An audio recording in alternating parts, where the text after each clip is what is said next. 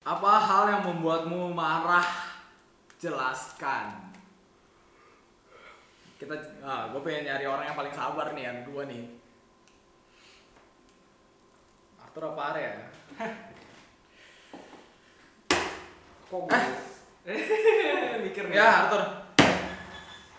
Apa hal yang membuatmu marah? Pasti ada sih. Pasti ada. Apa ketawa? Ah, Apa dong? Apa? Menurut lo apa lo ketawa? Enggak tahu dong. Kecuali lu Tuhan, lu bisa bilang deh, gak ada yang bikin dia marah.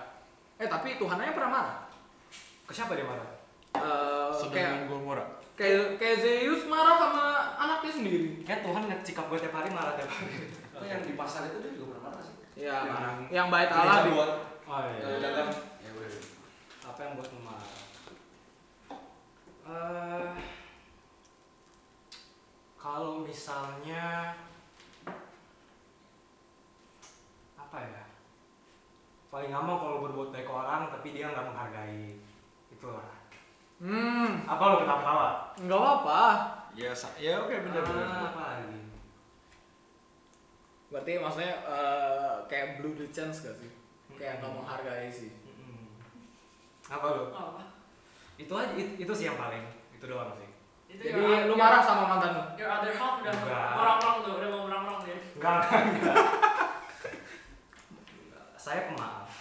Enggak enak marah lama-lama. Ujung-ujung lu sendiri yang sakit. Pemaaf atau rela?